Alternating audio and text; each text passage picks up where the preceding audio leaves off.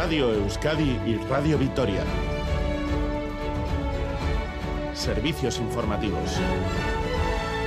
Repasamos los titulares de la jornada con John Fernández Mur, Gabón. Gabón, Miriam, noticias de este lunes 6 de marzo en el que comenzamos hablando del precio de los alimentos y productos básicos. Lo hacemos porque en Francia las cadenas de supermercados francesas han acordado con el gobierno Macron topar sus precios. Se comprometen a venderlos al más bajo precio posible, pero seguirán siendo los productos que ellos quieran y les, aplicará, les aplicarán la rebaja que consideren. El gobierno Sánchez asegura que algo similar podría hacerse en España. Luis Planas, ministro de Agricultura evidentemente un sector maduro como es el sector de la distribución y competitivo como es el español está perfectamente en condiciones de llevar a cabo iniciativas similares. Y en definitiva lo que le hemos eh, planteado a la distribución de forma repetida es que contenga en la medida de lo posible y dentro de su actuación empresarial los precios y que evidentemente se puedan llevar a cabo iniciativas como esta Mientras la ministra Yolanda Díaz, que lleva meses reclamando intervenir en los precios, interpreta el acuerdo francés como un aval a su propuesta.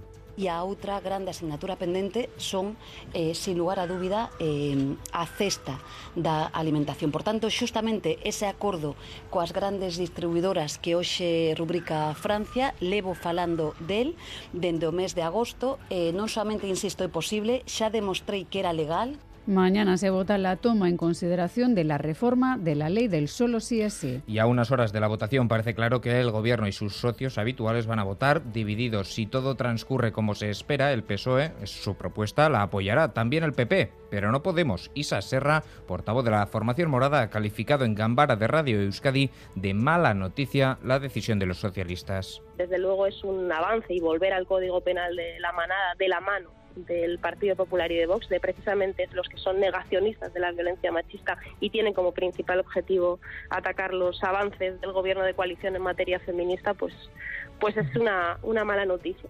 Tras la propuesta de la vicerendacari Doña Mendía de probar la jornada laboral de cuatro días, hoy hemos conocido la postura del Lendakari. Íñigo Urcullo ha asegurado que es una cuestión compleja que ha de tratarse con mucho tiento. Es una cuestión compleja, lo queremos hacer también con un planteamiento con mucho tiento, tomando referencias también de experiencias internacionales, teniendo en cuenta lo que pueda ser la posibilidad de mantener la productividad y mantener los salarios, pero teniendo en cuenta la diversidad de sectores mediante la acuerdo entre empresarios, empresarias y trabajadores y trabajadoras desde una eh, asunción voluntaria de una iniciativa de este tipo.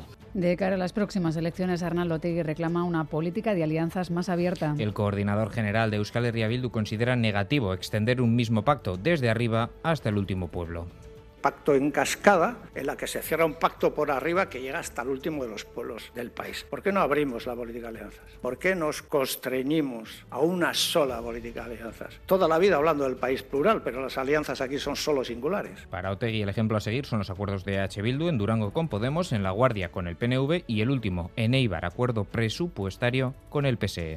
Y en página internacional hoy se cumple un mes de los terremotos que dejaron más de 50.000 muertos en Turquía y Siria. Son cerca de 53.000, unos 47.000 en Turquía y unos 6.000 en Siria. Según datos de UNICEF, más de 850.000 niños se han visto desplazados a causa de esta catástrofe, una catástrofe que en Siria se une a 12 años de guerra civil, lo que deja a miles de personas sin un techo bajo el que cubrirse, sin absolutamente nada y con mucha menos ayuda que en Turquía. A Turquía precisamente ha vuelto un mes después Moisés Bellok, presidente de la ONG Intervención, Ayuda y Emergencias, y nos ha contado en Gambara qué se ha encontrado allí.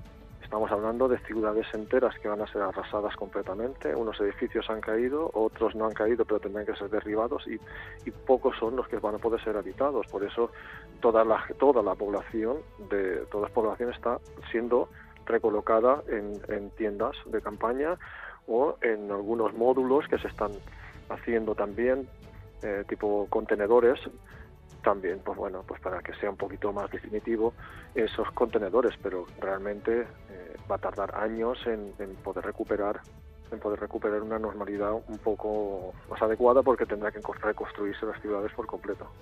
Con este mensaje terminamos más noticias en una hora y en todo momento en itv.eus y en la aplicación ITV Albisteac. Gero.